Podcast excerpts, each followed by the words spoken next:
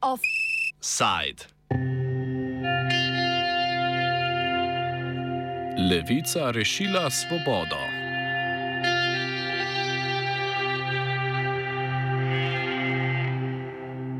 Poslanci državnega zbora so po odložilnem vetu državnega sveta potrdili novelo zakona o finančni upravi Republike Slovenije, krajše FURS. Za potrditev novele je glasovalo 48 poslancev, 22 jih je bilo proti. Odločilne glasove so prispevali poslanci Levice, ki so se, tako kot pri socialnih demokratih, pri prvem odločanju glasovanja o zakonu vzdržali. Novela zakona predvideva povečanje učinkovitosti delovanja finančne uprave in finančnim inšpektorjem omogoča tajno sledenje blagu brez zunanjega nadzora. Decembra so novelo potrdili samo poslanci Gibanja Svoboda, državni svet pa je na njo zaradi spornega člena o sledenju izglasoval veto. Novela zakona je na ponovni obravnavi potrebovala absolutno večino glasov, torej najmanj 46. Za razliko od levice so se socialni demokrati glasovanja ponovno vzdržali. Do spremembe odločitve v levici je prišlo z obljubo, da bodo s tretjino podpisov državnozborskih poslancev sporno določbo o sledenju blagu poslali v ustavno presojo s predlogom za začasno zadržanje. Obširneje razloge za potrditev novele zakona v levici navaja vodja poslanske skupine Matej, Matej Tašner Vatovec. Um, ja, stvar je zelo preprosta. Zakon načeloma v velikem delu ni slab, ker odpravlja tisto, kar je prejšnja vlada s tako imenovano Simičevo reorganizacijo finančne uprave eh, naredila s prijetjem svoje no-, novele zakona o finančni upravi. Je pa res, da je v tem novem predlogu vsebovana ta določba o sledenju blaga, uh, za katero so se nekateri pač javne skupine, kot informacijska pooblaščenka, pa nekateri Eh, pravni strokovnjaki uh, podvomili v ustavno skladnost takšne določbe, namreč ne predvideva, da bi sodišče odrejalo tako sledenje, ampak kar finančna uprava sama. Tako da mi smo imeli zadržke do tega člena, uh, tako da smo takrat pri tretji obravnavi zakona se vzdržali glasovanja. Zdaj v tem času uh, smo imeli nekaj intenzivnih pogovorov z Ministrstvom za finance. Uh, tako, in rezultat tega je bil, da je ministrstvo bilo pripravljeno uh, narediti en korak nazaj, pa samo predlagalo, da bi, če pač prije do potrditve zakona, poslanke in poslanci svobode pa levice uložili ustavno presojo in predlagali začasno zadržanje tega člena. Novela zakona med drugim odpravlja kolegijsko odločanje in povečuje avtonomijo inšpektorjev. gre za organizacijo tudi kolegijsko odločanje organov, to je se prejšnja vlada spremenila, v bistvu je predvsej koncentrirala tudi moč na samega direktorja finančne uprave. Uh, tako da pač namen je takrat bil seveda kot pri številnih različnih organizacijah, v katere uh, je, poseglo, je posegla prejšnja vlada, pač čim bolj koncentrirati uh, moč in pooblastila na eno točko. Uh, to se zdaj s tem zakonom odpravlja. Pri tem pa je odvetnik in davčni svetovalec Ivan Kranjec o spremembah, ki jih prinaša novela, poda drugačno mnenje. Prva dilema je, kaj so te škodljive spremembe. Ne? Tisto, kar se dejansko spremenja z novelo, je um, točka ena, to tajno sledenje. To je čist nova stvar, ki je prejšnja um, zakonodaja sploh ni poznala. Ne? Se pravi, v tem delu ne gre za spreminjanje obstoječega zakona. Um, potem sta pa še dve stvari vezani na samo organizacijo finančne uprave. Ena je glede mandatov predstojnikov finančne uprave, druga pa glede kolegijskega odločanja. Zdaj, meni se zdi, da obe dve spremembi, ki jih je prejšnja vlada uvedla, pravzaprav koristni, uh, predvsem kolegijsko odločanje, no, saj za davčne svetovalce, je taka dost dobrodošla sprememba, ne, ker je v odločanje dala neko širino ali pa neko temu for ice review, uh, se pravi, da se prepreči tisto samo voljo odločene inšpektorjev v pomembnejših ali pa v večjih zadevah. Tako da zgolj ta argument, ne popravlja se napake iz preteklih obdobij, uh, za moje pojme nima kakšne velike teže. Ne. Po vsebini mislim, da sploh ne gre za napake, ki bi jih do treba odpraviti. K bistvu. Novela zakona o finančni upravi k 18. členu, ki govori o uporabi tehničnih pripomočkov, dodaja nov 18a člen. Citiramo. Uradna oseba sme pridobiti podatke o položaju in gibanju blaga z uporabo sledilnih naprav, ki uporabljajo globalni sistem pozicioniranja za ugotavljanje položaja in gibanja blaga. Na ta člen naj bi torej poslanci, dejansko koalicijska večina Gibanja Svoboda in Levice, uložili ustavno presojo. Kaj pa je pri členu potencialno problematično, pojasnjuje odvetnik Ivan Kranjec. Člen uveljavlja novo možnost sledenja blaga, po kateri bi finančna uprava lahko namestila nek sledilnik, bodi si na zabojnik, bodi si na prikolcu ali pa tovornjak, in potem sledila gibanju tega blaga.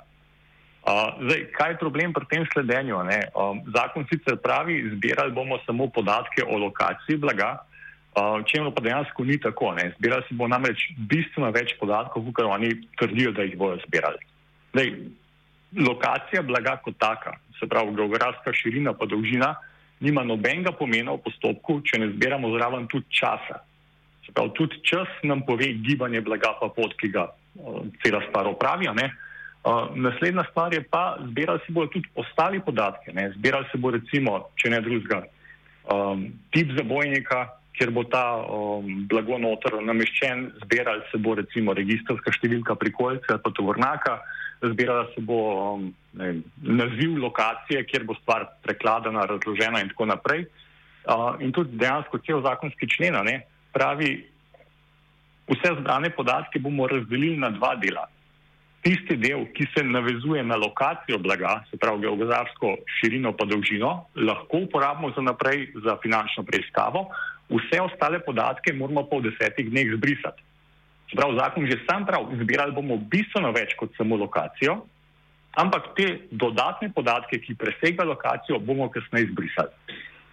Um, to je glede vsega podatkov. Ne. Drug problem je pa um, glede zagotavljanja rekel, neke neodvisnosti pri odločitvi, ali gre lahko sploh za tajno sledenje ali ne. Če potegnemo čist usporednice s kazenskim postopkom, ne, v kazenskem postopku, kadar so odrejeni kakršni koli prikriti preiskovalni ukrepi, je treba pridobiti soglasje sodišča.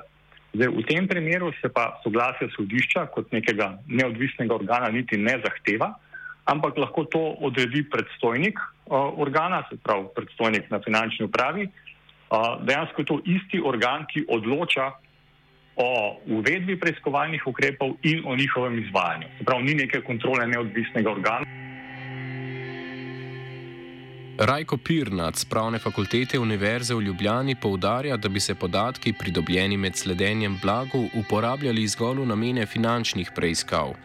O interpretaciji sporne določbe in skrbeh o potencijalni zlorabi podatkov Pirnac meni. Zakon ima nekaj varovalk in če se bo izvajal ta ukrep tako, kot je v zakonu, bi mu težko očitali uh, neskladno z ustavo. Najprej treba reči, da se ne sledi nobeni osebi, ampak samo vozilu. Uh, in da se v zvezi s tem, saj tako pravi zakon, ne sme pridobivati nobenih osebnih podatkov. To je seveda pomembno, ker s tem se ne more, uh, to pomeni, da če se bo ta ukrep izvajal, kot je predviden, ne more priti do posega v zasebnost posameznika uh, ali v varstvo njegovih osebnih podatkov, samo s tem ukrepom. Uh, jaz uh, lahko tudi se strinjam z dvomljivci, ki pravijo, pa kako slediš um, vozilu, uh, ne pa hkrati tudi vozniku. Ja, uh, če ne gledaš, kdo je voznik, če ne ugotavljaš, da je prišlo do zamenjave voznika in podobno. Um, naslednje, kar je, uh, zakon izredno določa, da se sme pritrditi uh, ta naprava samo na zunanjost vozila. Zunanjost vozila pa ni varovana z pojmom zasebnosti. S pojmom zasebnosti je varovana notranjost vozila. Um, Poleg tega je treba še upoštevati, da gre tukaj za upravni postopek in ne za kazenski postopek. Torej, uh, postopek se um, ne vodi z enakimi kautelami, torej z enako zahtevano um, varnostjo glede in, in varstvom pravic obdolženca glede zbiranja podatkov, kot velja to za kazenski postopek. Vodja sektorja za preiskave na finančni upravi oziroma FURS-u Bojan Vodopivec povdarja, da bi sledilne naprave uporabljali zgolj za nadzor blaga in ne za sledenje fizičnim osebam. Prav tako imajo pooblastilo za izvajanje finančne preiskave samo določene uradne osebe v finančni upravi, ki se ukvarjajo s težjimi kršitvami. Nadzor nad gibanjem trošarinskih izdelkov finančna uprava upravlja v skladu s trošarinskim zakonom. Gre za nadzor blaga ne, in za nadzor oseb. Vemo, da se, da se uh, potrebuje v skladu z zakonom o kazenskem postopku, uh, če je tajno sledenje, ne 149a členo, uh, se pravi za tajno sledenje in če je osredotočeno na osebe, se potrebuje odredba tožilca ali pa sodnika, ne, odvisno od. Uh, od zakonskih določb noter. Pri naših primerjih pa ne gre. Ne. Prvič gre za nadzor blaga in sploh ni osredotočeno na osebe, plus tega pa treba še razlikovati, da finančna uprava ima pooblastila v mm, upravnem postopku, a ne in smo administrativni organ v tem smislu.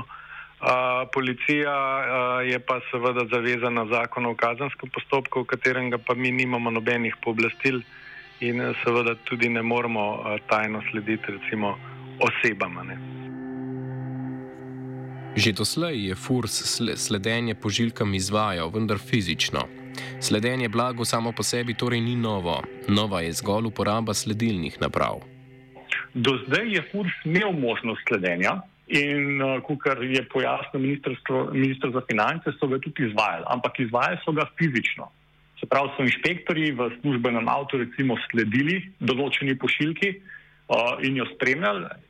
In glavno argument, zakaj zdaj hočejo uvesti to tajno sledenje preko GPS naprave, je, da je to rekel, običajno sledenje zahteva zelo velik časa, pa human resursov, pa delovno upravno je bilo zahtevno organizirati izmene in vse to, in je bila stvar preprosto predraga. Zaradi tega bi zdaj radi uvedli um, tajno sledenje preko GPS-a druga stvar, ki je, to je pa za moje pojme zelo velika napaka v zakonu, uh, je pa, da je ta člen o tajnem sledenju napisan na način, da je dovoljen zgolj takrat, kadar obstajajo razlogi za sum za neko dejanje, ki je že bilo storjeno in predstavlja davčni prekršek. Sprav ta novela zakona ne daje možnosti sledenja blagu z namenom preprečitve bodočih prekrškov ali pa z namenom preventive. In uh, tukaj se mi pojavi to glavno vprašanje. Ne? Če more FURS za to, da sledi blagu, dokazati, da obstajajo razlogi za sum, da je neko dejanje že bilo storjeno, zakaj v tem primeru ne vseka z roko po mizi takoj, zasežejo blago, naredijo normalno inšpekcijo, zakaj treba potem še tajno slediti blagu, kljub zavedanju, da je bil prekršek že narejen. Kranjec meni tudi, da se v primeru, da bi moral FURS od rednega sodišča pridobiti soglasje o sledenju določeni pošiljki, postopek ne bi znatno zavlekel. Preko rednega sodišča zadeva bi šla relativno hitro, to je stvar parih dni. Tudi v kazenskih postopkih so te odredbe za tajne preiskovalne ukrepe relativno hitro potrjene. Zato ima vedno kakšnega dežurnega preiskovalnega sodnika, pa dežurnega sodnika, ki zelo hitro odloči o teh zadevah. Se pravi, namen zakona, kljub temu, da bi bila dodatna varovalka noter, bi bil dosežen, odločenje je bilo hitro in tudi kontrola bi bila relativno hitra. Ne bi mogli prijeti do o, nekega oškodovanja države ali pa um, izpadov davčnih prihodkov na račun tega, da bi bila zagotovljena ena dodatna stopnica, ki bi zagotavljala pravno varnost. Odprto pa ostaja področje morebitne ustavne presoje, k čemu so se zavezali v gibanju Svoboda in Levici. Pobude za ustavno presojo namreč ne more vložiti vlada, ki je novelo zakona predlagala, prav tako pa ne državni zbor, ki jo je izglasoval. Lahko pa jo vložita državni zbor, državni svet ali tretjina poslancev. Zakon o ustavnem sodišču je zelo jasen. Vlada načeloma tega ne more narediti, uh, ker je pač sama predlagateljica oziroma tista, ki je ta zakon spisala. Uh, Prav tako ne more tega narediti državni zbor kot institucija, ker je ta predlog sprejel. Uh, tisto, kar je ključno, je določbo o eni tretjini poslancev. Ena tretjina poslancev lahko uh, poda zahtevo za presojo uh, ocene ustavnosti uh, in to je, točno to je naš namen. Se pravi, pač del poslancev Svobode in Levice bomo pač uložili ustavno pritožbo oziroma uh, zahtevo za oceno ustavnosti tega člena. To tretjino poslancev bi torej lahko sestavljali, sestavljali le poslanci Levice in Svobode, ki so novelo zakona sprejeli. Res je, to je ena majhna težava. Zdaj, kdo bo vložil to zahtevo, gotovo ne more državni zbor kot celota, ker je sprejel uh, ta zakon. Uh, tretjina poslancev je težava, uh, po mojem, v tem, da bodo to tisti poslanci, ki, ki so glasovali za predlog. Zdaj, na ustavnem sodišču so taki primeri že bili in ustavno sodišče tega do sedaj ni problematiziralo. Res pa je, da ni bilo tako očitno, da, da so pravzaprav zahtevali, veste, da ne gre za nekakšno zahtevo opozicije, pač pa da gre pravzaprav za zahtevo tistih, ki lahko menijo, da je neustaven tudi zavrnil uh, zakon. Um, tako da uh, bomo videli, tudi to je možnost, da bo ustavno sodišče reklo, ne, ne tisti, ki so glasovali za, pa ne morejo. Da si je nekajkrat to že bilo na ustavnem sodišču in nikoli ni ustavno sodišče kaj takega odločilo. No, tako da bomo videli. No, morda pa bo tudi za ustavno presojo 18a člena poskrbela katera od civilnih inicijativ. Offside je pripravila vajenka Lara, mentorirala je Zala. Oh.